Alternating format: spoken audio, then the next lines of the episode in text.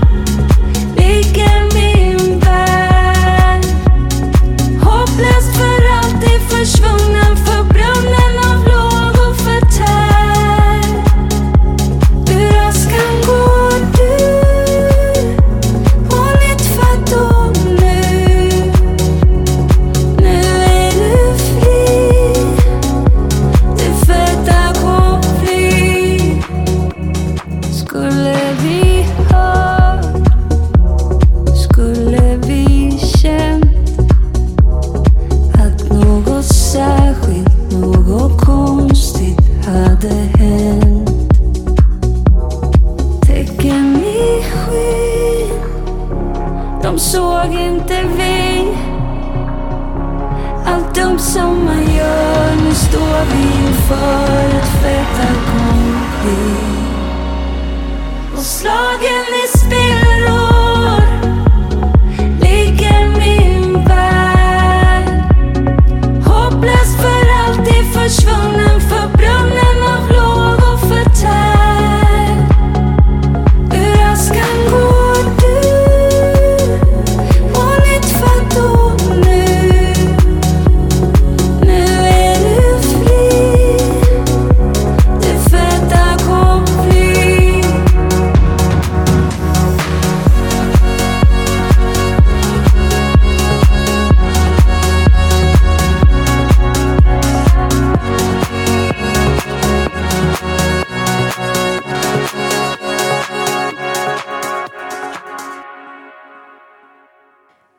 kanske tio minuter av fotografering på toppen så påbörjade vi vandringen neråt.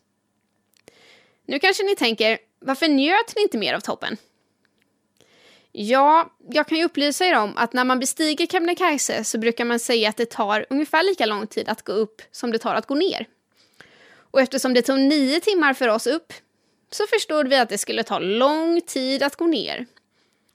Och visst, det blir ju inte mörkt på natten. Men man vill ju ändå hinna tillbaka till tälten så att man får sova lite. Så knäna, ja de fick kämpa på. Jag minns att jag sa till mina knän när jag gick där, om ni bara håller ihop det här nu så lovar jag att jag ska aldrig utsätta er för något lika hemskt igen. Ja, och jag har väl hållit det löftet ganska bra. Med gråten i halsen och en trötthet som jag aldrig tidigare känt krigade vi på nerför det där berget. Problemet var ju bara när vi kom ner i Kaffedalen igen. Ja, för på vägen upp, då fick man ju gå ner 200 höjdmeter. Vilket betyder att på vägen ner från berget, ja, då kommer även en stigning på 200 höjdmeter. Vi laddade med lite nötkräm och så började vi gå. Nu har jag ju sagt flera gånger i det här pratet att det är det värsta jag upplevt hittills i mitt liv. Men det, det stegrar på liksom. För de här 200 höjdmetrarna åt andra hållet, det var fruktansvärt. Och det tog aldrig slut. Benen skakade av mjölksyra och tårarna brände bakom ögonlocken. Och frågan varför ekar i huvudet. Varför utsätter man sig själv för det här? Och vad händer egentligen om man inte orkar gå mer? Det är ju bara jag som kan ta mig själv ur den här situationen. Man kan ju inte bara ringa på helikopter och kräva att bli hämtad hur som helst. Bara för att man var för dåligt tränad och inte orkade. Till slut så var de där 200 metrarna i alla fall över. Och nu var det nedförsbacke resten. Men jag minns knappt hur vi tog oss ner de där sista sex kilometrarna. För som det är när man har kommit upp från Kaffedalen.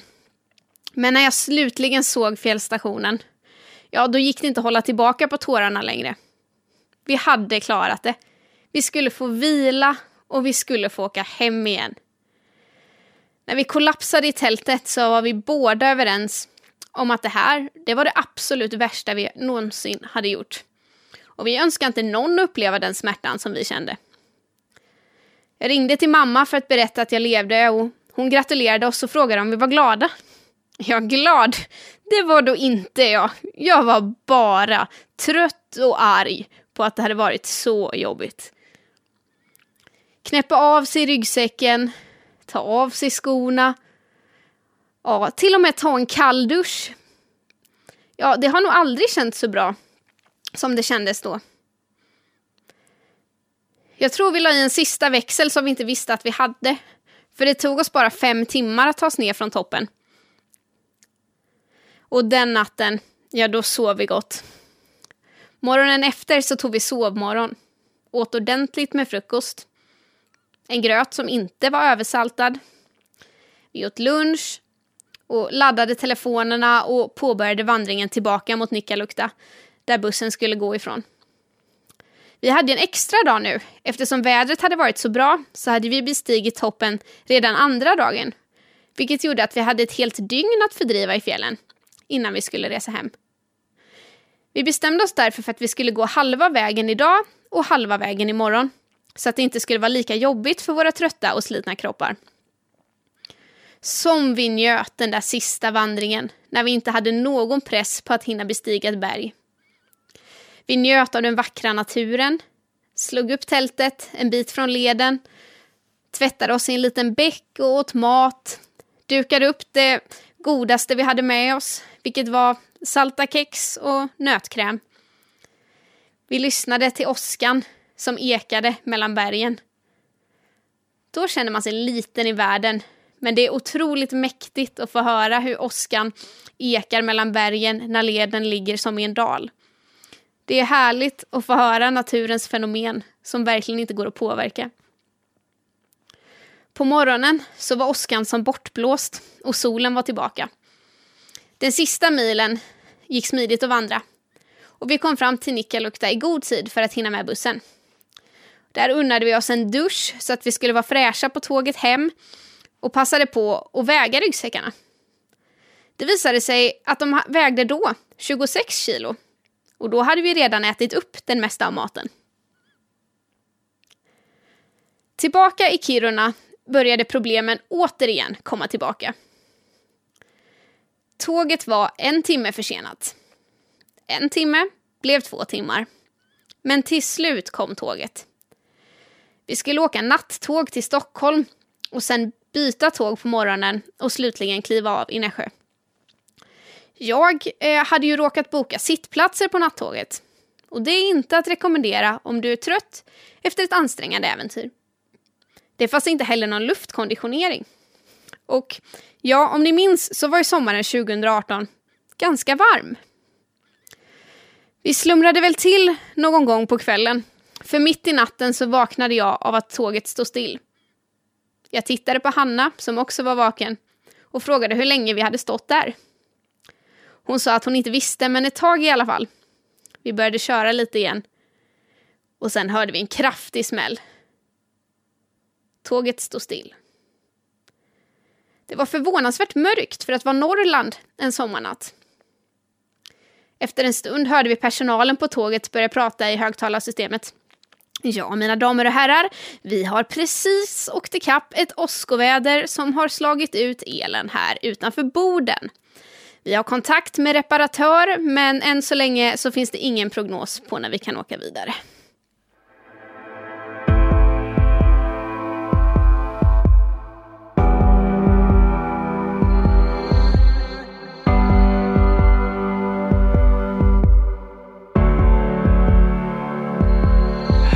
När det känns som du har väntat sen du var barn.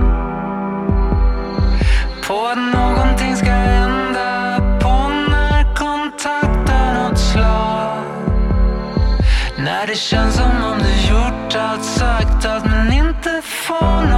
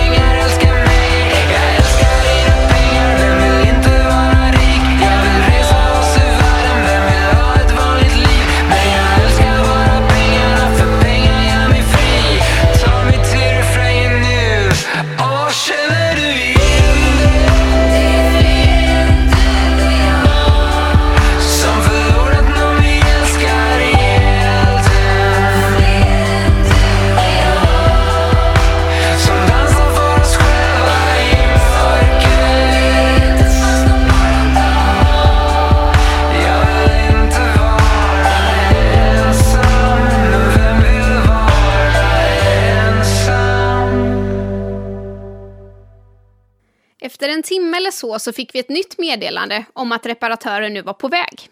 Men det skulle dröja tills vi kom iväg igen. Jag tänkte att det var väl bäst att försöka sova för att få tiden att gå. Men ja, det är inte så lätt att hitta en bekväm sovställning i en tågstol när man har träningsvärk överallt. Jag halvsov mig genom natten och vaknade när tåget äntligen var på rull igen och morgonen började gry. Jag tror att vi stod still cirka tre timmar utanför Boden den natten. Under dagen så blev tåget bara mer och mer försenat. Maten och drickan på tåget sålde slut och passagerarna började bli lite arga och otåliga i det varma klimatet. Det slutade med att tåget fick göra ett extra stopp i Sundsvall för att ta emot en order från Subway för att kunna förse hela tåget med mat och dricka. SJ försökte muntra upp oss och säga att alla skulle bli kompenserade för den här resan och att de skulle ordna med ersättning för våra anslutningar. Vi hade ju sedan länge missat vårt anslutande tåg i Stockholm. När vi äntligen nådde till Stockholm, sju timmar försenade, ja, då var det ju bara ett södergående tåg kvar för dagen. Och det var fullbokat. När kvinnan på SJs resecentrum förklarade för mig att vi kunde välja mellan att åka nattåg, som gick fem timmar senare, eller bo på hotell en natt i Stockholm och åka hem dagen efter. Ja, då tyckte jag att det lät som det värsta i världen och höll på att börja gråta. Vi var så trötta. Vi orkade inte mer nu. Vi ville ju bara åka hem. Jag tror att hon såg paniken och tårarna som var på väg ut. För hon tittade medlinsamt på mig och sa Jag ordnar så ni kan få sitta i bistron. Jag tackade snällt och vi sprang ut till tåget som gick tio minuter senare. Ja, sen gick allting som planerat. Och vi kom slutligen hem, bara tio timmar senare än vad vi trodde att vi skulle göra. Så vad ville jag egentligen förmedla med den här sjukt långa historien? Ha alltid med dig en vän som du inte kan bli arg på när du är på extrema äventyr. Då kan stämningen mellan er aldrig bli dålig. Så stort tack Hanna för att det inte går att bli arg på dig och för att du är sjukt rolig och positiv. Närmare än så här har vi aldrig varit. var ju ditt motto för varje steg vi tog? Nej, men allt går inte alltid som man har tänkt sig. Och ibland så är det mycket jobbigare än vad man förväntar sig att det ska vara. Men vi klarade det. Och August, du kan få säga vad var det jag sa nu. För jag erkänner att det var inte lika lätt som jag trodde. Slutligen, här kommer lite tips till dig som tänker att du kanske ska bestiga Kebnekaise. 1. Tänk igenom det igen. Vill du verkligen det? Det är mycket jobbigare än vad det står på nätet, trots att det inte står att det kräver någon fjällvana. 2. Läs på, läs på, läs på. Vi hade läst på alldeles för lite och kunde ingenting om säkerhet i fjällen. Vi hade ju bara tur att det var bra väder och att ingenting hände. Det är en väldigt farlig miljö om man inte vet hur man ska förhålla sig till oväder och naturen. Redan dagen efter vi hade varit uppe på toppen fick fjällräddningen rädda ett sällskap som fastnat på berget i dimman. Det hade ju lika gärna kunnat vara jag och Hanna. 3. Ha rätt utrustning. Jag har ju, hade aldrig tagit mig upp på toppen om det inte hade varit för mammas vandringsstavar som jag i sista minuten kom på, eller Hanna kom på att vi behövde ha med oss. 4. Träna mycket innan. Och om jag mot förmodan skulle göra det igen så skulle jag ha träningsläger i Skurugata fram och tillbaka. 5. Ät mycket mat och ät ofta. Hanna och jag fick nog i oss tillräckligt med vätska, men maten blev lidande eftersom ingen av oss kände någon hunger i värmen. Så hitta en vän som är hungrig regelbundet eller ställ en matklocka. Tack för att du har lyssnat på mig. Jag har försökt att vara lite ödmjuk i min missbedömning av ansträngningen att bestiga Sveriges högsta berg. Och jag hoppas att det har framgått. Det tog två veckor för mina knän att sluta göra ont. Och blåmärkena på höfterna, ja, de satt i ett tag, men sen försvann de också. Jag vill brasklappa för att jag kan ha glömt eventuella detaljer.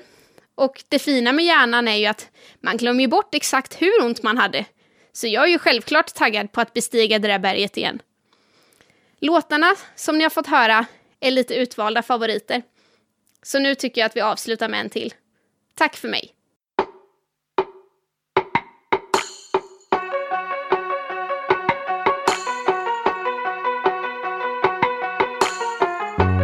Det var som att duggregnsmolnen hade parkerat i solen.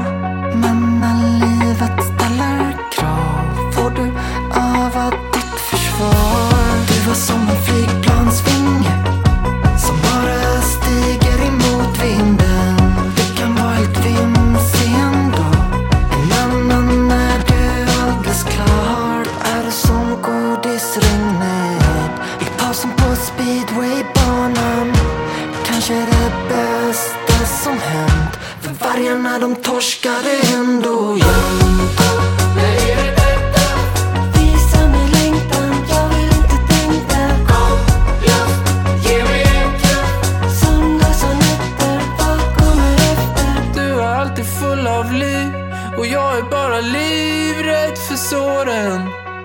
Du har just kommit hit men jag kan bara se hur du går sen. Jag vet att du aldrig sa att jag inte fick men du dömde mig varje ögonblick. Nu ligger isen över längtan jag har kvar. Ljusa drömmar, när kommer de tillbaka?